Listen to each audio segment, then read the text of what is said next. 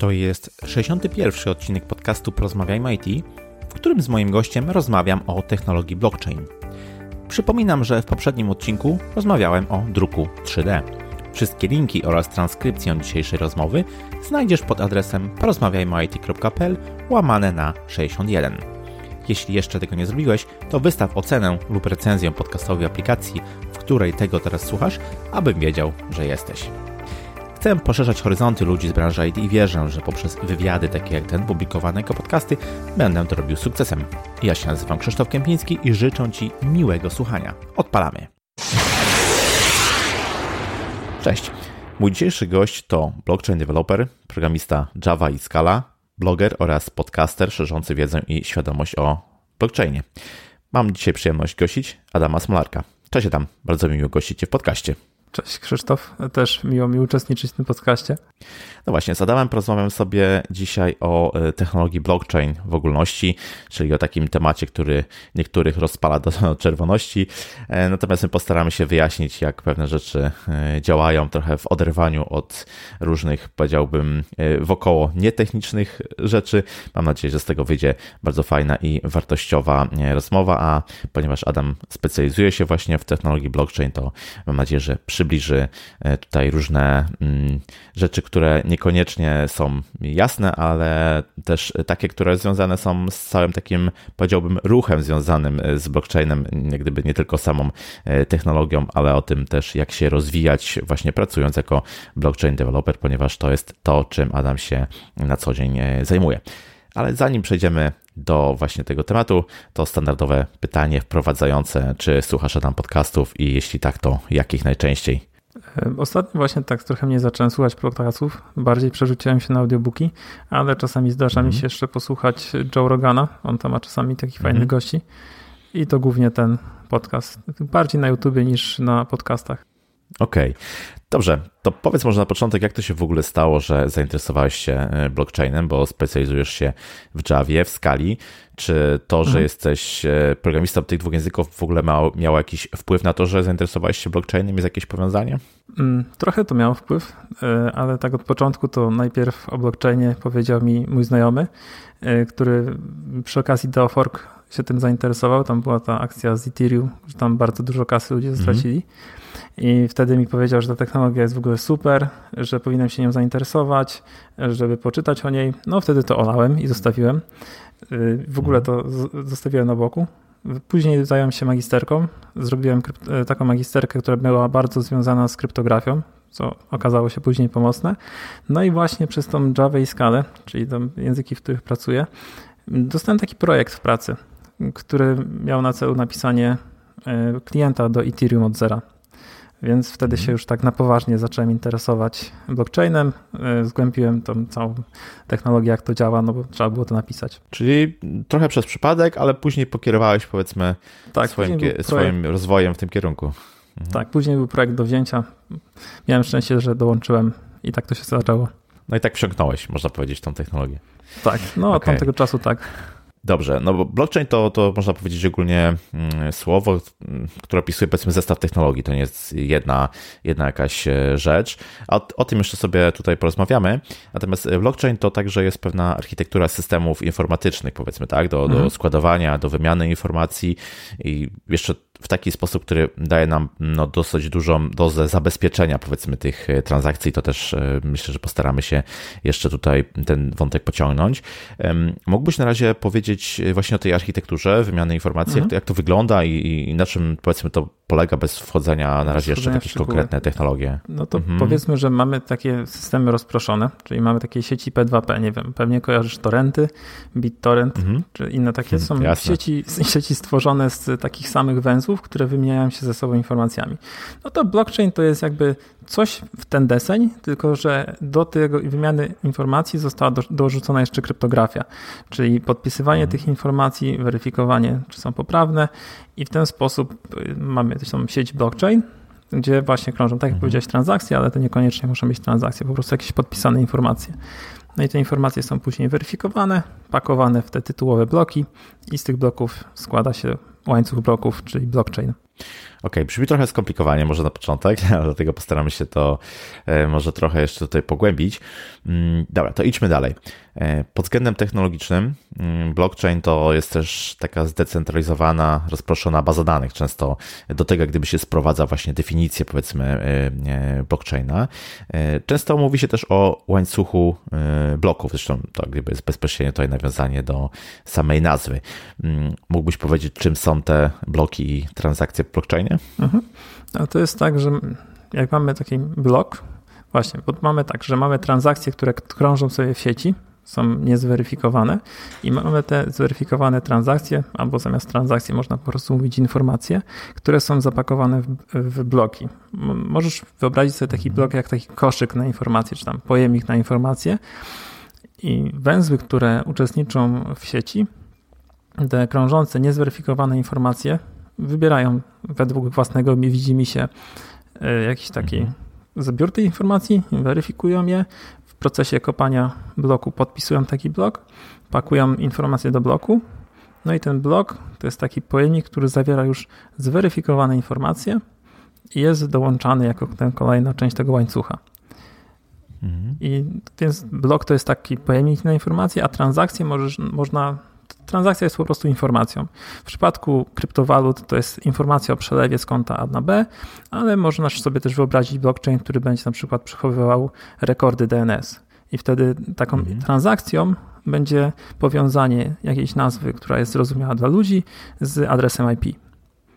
I wtedy mhm. to też jest taka informacja, która po zweryfikowaniu, zapakowaniu do bloku jest uważana już za obowiązującą. Czyli w tej rozproszonej bazie danych zapamiętywane są bloki, a krążą gdzieś, można powiedzieć, transakcje prawda, pomiędzy węzłami. Tak, no i jeżeli taki blok zostanie przygotowany, to ten blok też jest rozsyłany po innych węzłach w tej sieci. Mhm. Więc te informacje tam mhm. krążą po tej całej sieci no, w ogóle. Nie tylko transakcje, ale bloki też. Przy czym różnica między tymi informacjami a blokami jest taka, że ten blok masz już wtedy jakby taką pewność, że przynajmniej jeden węzeł z tej sieci zweryfikował informacje, które tam są w środku. I w ten sposób mhm. jakby dołączył go, ten, ten blok dołączył do łańcucha bloków. I ty powinieneś sprawdzić te informacje, ale jeżeli je sprawdzisz, to zwykle one są poprawne.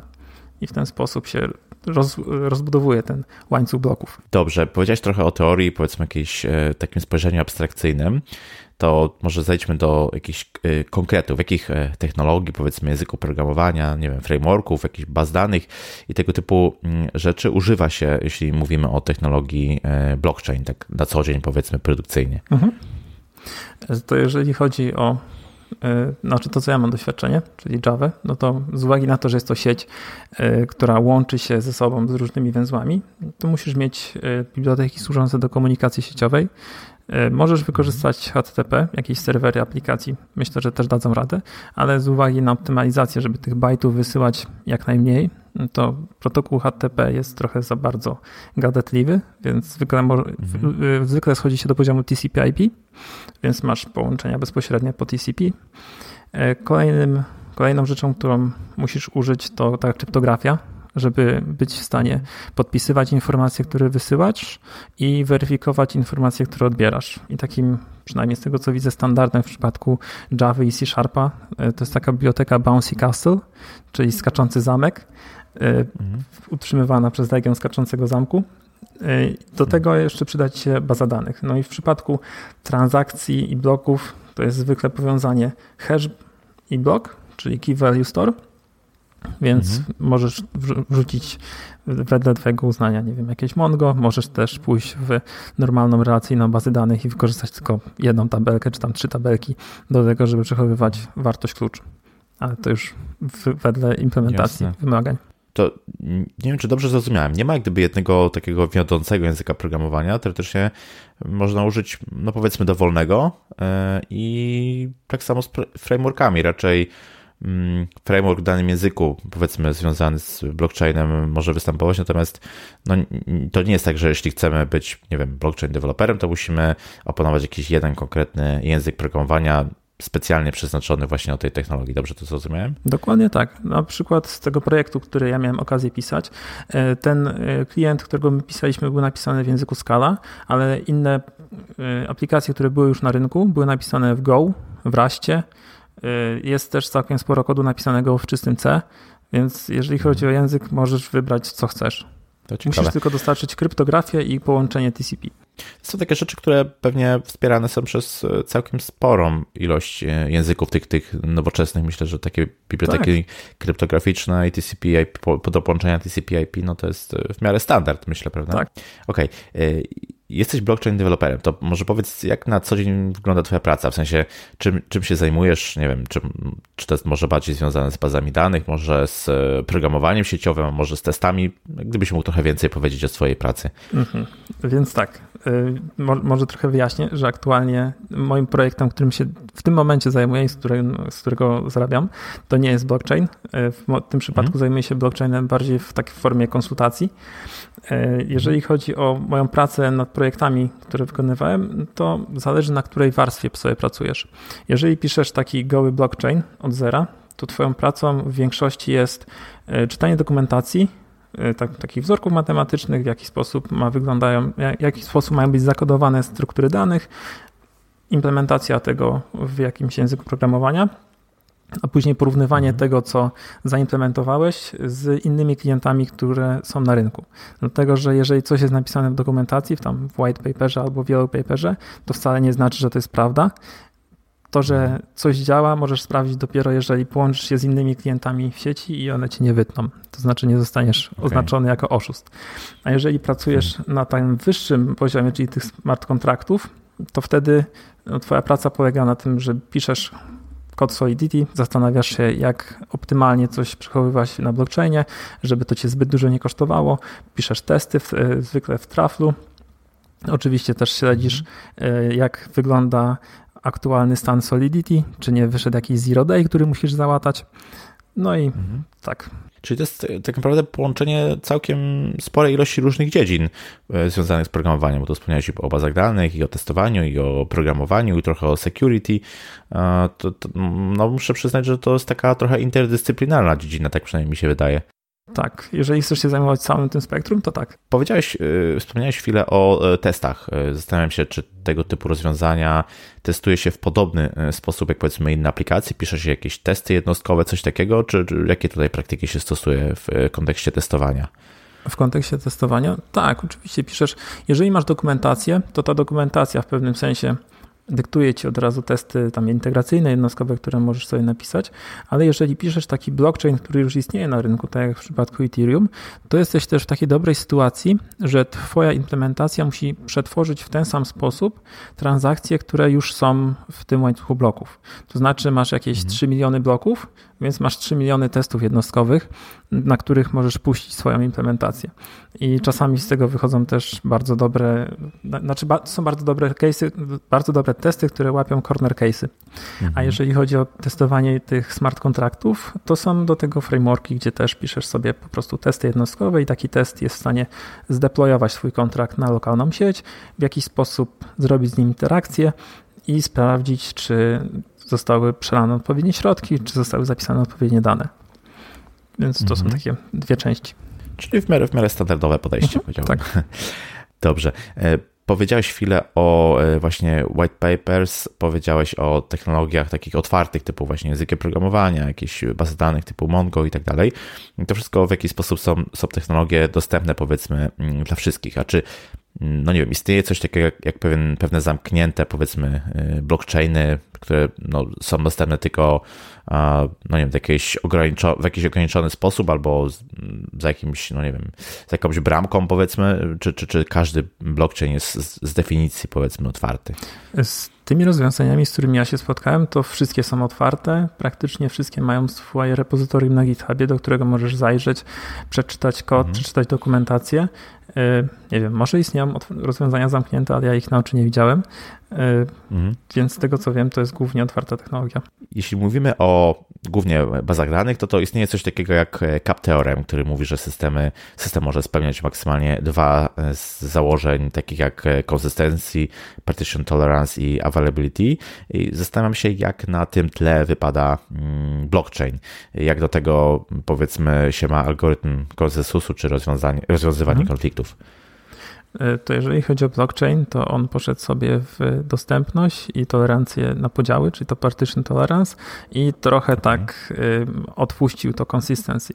Dlatego jak robisz na przykład przelewy na giełdach kryptowalut, to zawsze jest ten czas oczekiwania na tak zwane potwierdzenie bloku, czyli jeżeli mhm. blok, który zawiera Twoją transakcję, jest odpowiednio głęboko w łańcuchu, to dopiero wtedy dostaniesz przelew y, złotówek czy dolarów na swoje konto. Więc to konsystencji mhm. trzeba na nie poczekać.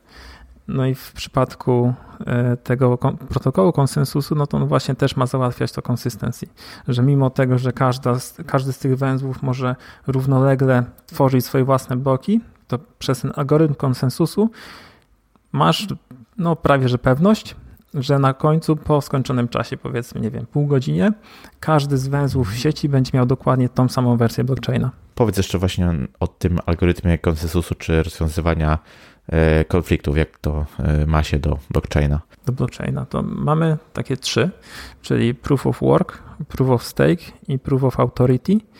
E, takim pierwszym i w sumie używanym do tej pory, na przykład w blockchainie, jest proof of work.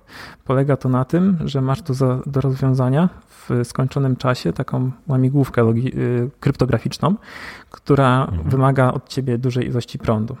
Możesz to porównać mniej więcej do rzucania kostką. Mhm. Jeżeli sobie taką kostką rzucisz wystarczającą ilość razy, to czasami ci coś wypadnie, czasami nie ale w tym przypadku nie możesz oszukiwać, nie możesz powiedzieć, że ci wypadło 6, gdy ci nie wypadło 6, no bo masz ten właśnie mhm. zabezpieczenie przez kryptografię. Okay. I głównym e, jakby zadaniem tego proof of work i wszystkich innych jest wybrać z całej tej puli węzłów jeden węzeł, który będzie miał prawo do wykopania, czyli do przygotowania kolejnego bloku. I w ten mhm. sposób mamy to rozrzucenie, tą dystrybucję i jest, nie ma takiej opcji, żeby jeden węzeł jakby przez zmowę miał kontrolę cały czas nad produkowaniem nowych bloków. I z mhm. uwagi na to, że to wybieranie tego węzła jest deterministyczne, to znaczy bierzesz pod uwagę tylko tyle, ile wyrzuciłeś. Jeżeli ktoś wyrzucił więcej, to zawsze, jeżeli masz e, dwa bloki do porównania, to każdy węzeł z sieci poprzez to porównanie wybierze ten konkretny blok. I ten konkretny blok, który ma najwięcej tych oczek, będzie później częścią blockchaina. Nie wiem, czy to w jakiś sposób odpowiada na Twoje pytanie. Najbardziej myślę, że to właśnie pokazuje, w jaki sposób kryptografia mm, wspiera czy gwarantuje pewne rzeczy, e, które, które powiedzmy są zapisywane w blockchainie. Mhm. Y, dobrze, wiesz, Tada, poruszyliśmy kilka takich kwestii mniej lub bardziej technicznych. Teraz chciałbym przejść do tych trochę mniej technicznych, związanych powiedzmy z zastosowaniami blockchaina. Jakie są według Ciebie e, zalety, czy powiedzmy korzyści wynikające z, właśnie z blockchaina? Po co ludzie jak gdyby silą się na budowanie rozwiązań opartych o blockchain? Mhm. E, wydaje mi się, że trochę wracając do tego cap theorem, e, z uwagi na dostępność i odporność na te partition tolerance, odporność na podziały, e, przez co mhm. odpada taki problem jak na przykład, nie wiem, spalić się serwerownia w takim jednym miejscu i później taka jedna sieć komórkowa przestanie przestanie w jakiś sposób działać. To w przypadku Ethereum to musiałoby być dużo, dużo większy kataklizm, żeby takie mhm. wydarzenie miało okay. wpływ na całą sieć i na, przelewa, na przelewy, które robisz na przykład, nie wiem, na giełdach. E, są też e, silne mhm. gwarancje związane z autentycznością informacji przez podpisy cyfrowe i przez e, później sprawdzanie tych podpisów cyfrowych. No i takim jeszcze jednym jakby featurem, chociaż nie wiem, blockchaina jest to, że jeżeli coś wrzucisz na blockchain, szczególnie publiczny, no to to prawdopodobnie tam zostanie do końca świata jeden dzień dłużej. Prawie jak z wrzucaniem zdjęć do internetu. Po prostu tam tyle tych kopii okay. zostanie stworzonych, że no, z, dużą z dużą pewnością możesz założyć, że ta informacja nam po prostu będzie na którymś z tych węzłów. Mhm. Technologia daje nam całkiem sporo różnych e, e, możliwości. Wiesz, no bo ja jak sobie myślę o blockchainie, no to oczywiście siłą rzeczy przychodzą mi do głowy kryptowaluty, na czele z Bitcoinem czy, czy Ethereum, ale no to nie jest e, powiedzmy ostateczna czy całościowa lista zastosowań. Na tym ta lista się nie kończy.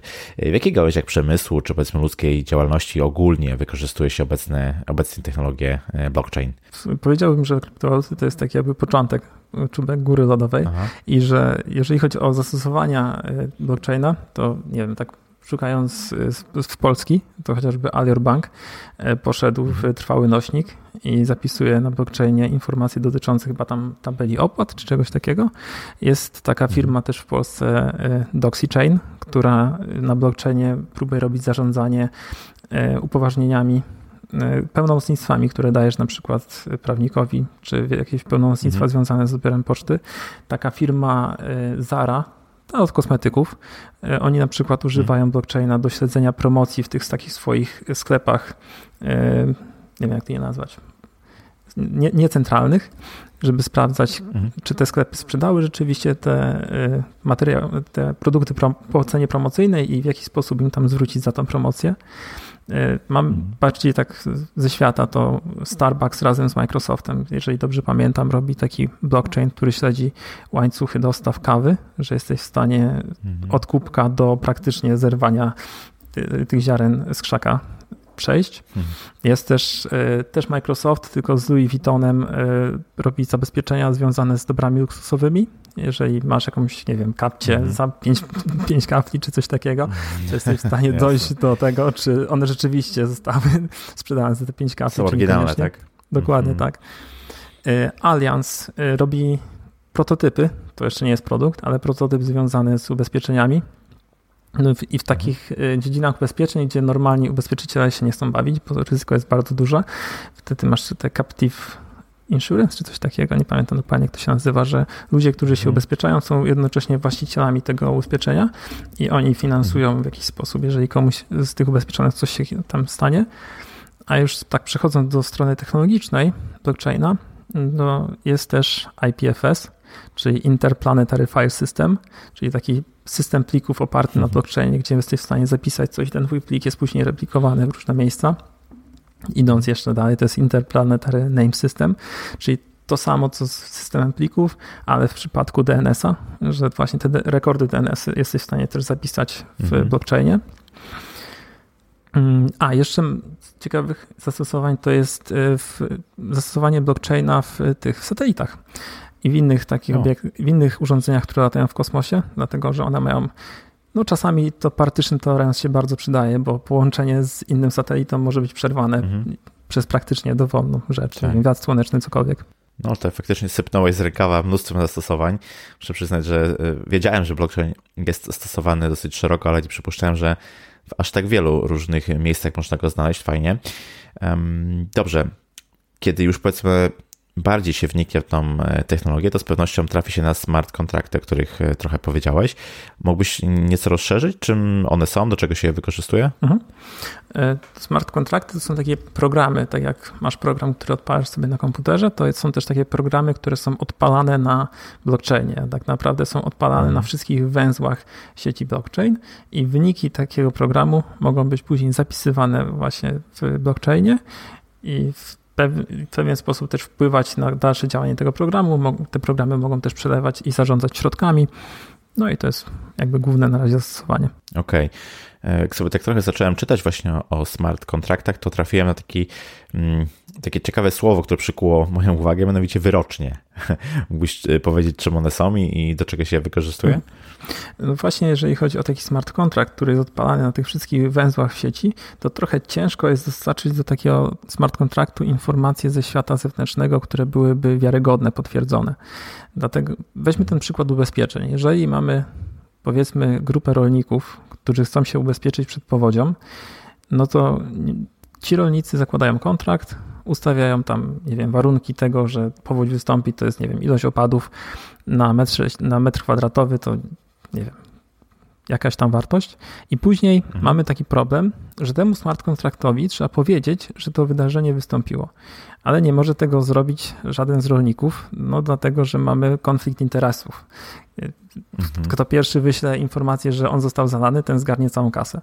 Więc jest tak. taki mechanizm właśnie tej wyroczni, których głównym zadaniem jest to, że dostarczyć informacje do tego kontraktu. Dostarczyć informację, że jakieś zdarzenie ze świata zewnętrznego rzeczywiście wystąpiło albo nie. To jest ten koncept. A jak to jest realizowane, Jasne. to jest trochę trudniejsze. Pewnie to może nie, nie idźmy w tym kierunku. Chciałem tylko wiedzieć ogólnie, czym są te magiczne nieraz wyrocznie. Dobra. Dobrze, to może porozmawiajmy nieco tak ogólnie na razie o tym blockchainie. Jakie, nie wiem, wady, problemy ty widzisz, z którymi obecnie ta technologia się próbuje, powiedzmy, uporać? Widzę w sumie taką główną wadę to jest skalowanie tego całego rozwiązania dlatego że ilość transakcji na sekundę w przypadku mhm. E, Bitcoina, w przypadku Ethereum jest no, bardzo mała w porównaniu z takimi tradycyjnymi formami płatności. I no, był taki niedawno, może trochę kawałek czasu temu, e, problem z Ethereum, że jeden smart contract był w stanie przy, przypchać całkiem, sporo, całkiem bardzo sieć. To były te smart e, mhm. CryptoKitties czyli ludzie, którzy wymieniali się kodkami, byli w stanie wygenerować, wygenerować tyle transakcji, że sieć nie była w stanie tego przemielić. I mhm. kolejnym problemem jest ilość przechowywanych informacji, że z uwagi na to, że na przykład Ethereum przechowuje informacje od początku istnienia tego blockchaina, no to tych danych tam już jest całkiem sporo i synchronizacja tego przez sieć też zaczyna być problematyczna. Więc to są takie mhm. rzeczy, którymi teraz się blockchain boryka jeżeli chodzi o. No, badania też są w tym kierunku prowadzone.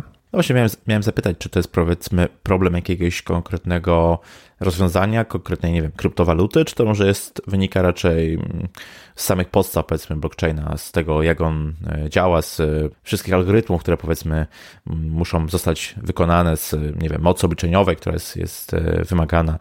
E, gdzie tutaj leży problem według Ciebie?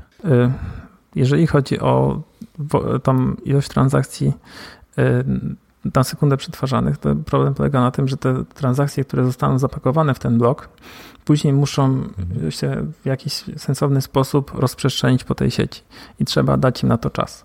Więc jeżeli okay. mamy, nie wiem, kilka tysięcy, czy tam 10 tysięcy nodów, to żeby ten algorytm konsensusu był w stanie w stabilny sposób działać, to musi mieć dostęp do wystarczająco dużej ilości informacji. I w niektórych przypadkach mhm. to jest prostu sztucznie spowalniane przez zwiększenie hash rate'a, po to, żeby te dane mogły się rozpropagować po sieci, żeby zapewnić właśnie to konsystencję, to spójność. Wspomnieliśmy tutaj kilka razy o projekcie Ethereum, powstałej w 2015 roku kryptowaluty, która wprowadziła koncepcję tokenów. E, no i coraz więcej firm z tego, co ja obserwuję, a także prywatnych osób, prywatnych mm, marek, powiedzmy, tworzy właśnie swoje tokeny, by, no nie wiem, przykładowo pozyskać jakiś kapitał za pomocą ICO. Um, niestety, no też słyszy się często o, o, różnego typu nadużyciach, które z tego wynikają, um, no ale to, to jest jak gdyby naturalna konsekwencja. Otwiera to trochę e, drzwi, ale też no, daje jakieś możliwości do e, nadużyć, mhm. pozyskiwania powiedzmy pieniędzy bez pokrycia tak naprawdę w jakiejś realnej wartości. Mógłbyś powiedzieć, czym są te tokeny, jak w praktyce ludzie je powiedzmy wykorzystują na tę chwilę? W przypadku Ethereum, żeby się już tego trzymać, to jest smart contract i to jest standardowy dosyć smart contract. Kod tego mhm. smart contractu jest napisany, wystarczy, że go weźmiesz, wrzucisz do sieci, i powiesz, że to jest twój token. Więc cała filozofia kończy się w tym momencie, że okay. musisz dostarczyć później jeszcze tą wartość, która jest związana z tym tokenem. No i tak jak mówiłeś, niektórzy tej wartości nie dostarczają. Te, teraz y, mam wrażenie, że coraz więcej tokenów jest już takich, które są powiązane z jakąś wartością materialną. To nie jest po prostu byt wirtualny, który ma swoją wartość z uwagi na to, że ktoś tak powiedział, tylko jest to na przykład część firmy, część jakiejś nieruchomości, więc myślę, że to w tą stronę bardziej pójdzie. Jasne. Ale czy dobrze zrozumiałem, że tokeny mogą istnieć tylko w sieci Ethereum, czy to jest jak gdyby niezależne? Jest wiele sieci, które udostępnia tak. taką funkcjonalność jak tokeny. Okay. Ale w przypadku, mhm. to, w przypadku Ethereum to jest smart contract. Jasne. Dobrze. Powiedzmy, że chciałbym zostać blockchain developerem, to według Ciebie jakie umiejętności, nie wiem, jakie technologie musiałbym e, poznać, żeby rozwijać swoją karierę w tym kierunku? E, jeżeli chodzi o pisanie swoich własnych blockchainów, czyli takich nowych sieci, e, to systemy rozproszone, kryptografia i mhm. bezpieczeństwo związane z analizą tego wszystkiego, żeby to miało sens. A jeżeli chodzi o smart kontrakty, no to też masz konkretne języki do uczenia się i w przypadku już smart kontraktów to dowolność z językami no raczej nie ma.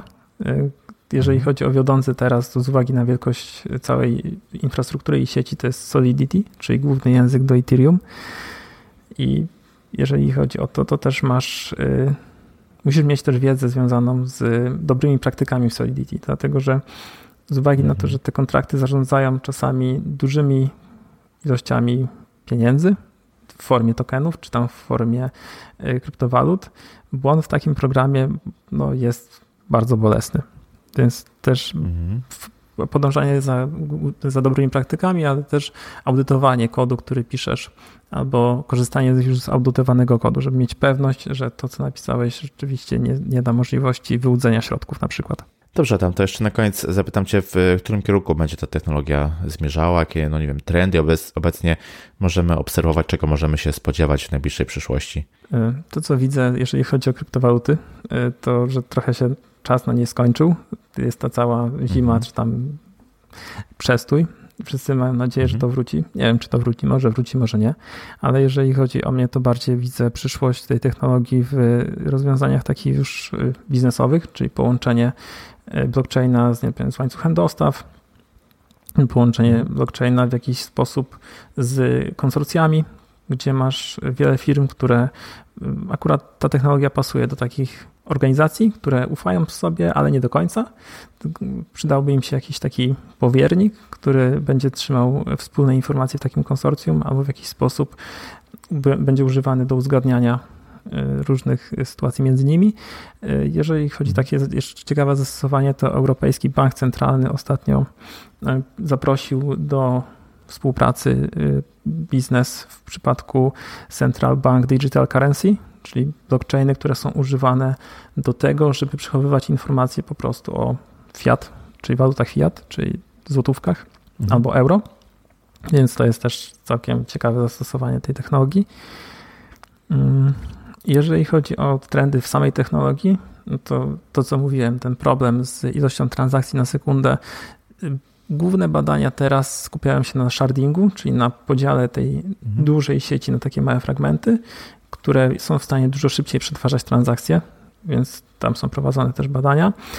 E, kolejne badania są w przypadku proof of stake, czyli zamiany tej kryptografii, która wymaga dużo prądu, na kryptografię, która nie mhm. wymaga prądu, ale niesie się za sobą inne problemy. No i wydaje mi się, że to głównie te, te rzeczy są teraz ciśnięte, żeby je rozwinąć.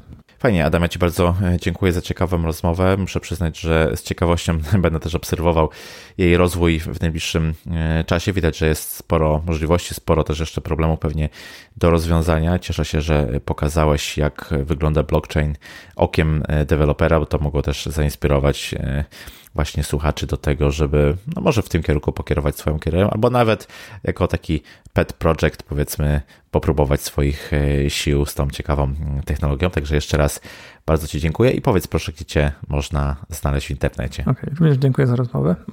Można mnie znaleźć na blogu chaindev.pl. Prowadzę też swoją listę mailową, więc tam też wysyłam ciekawe informacje.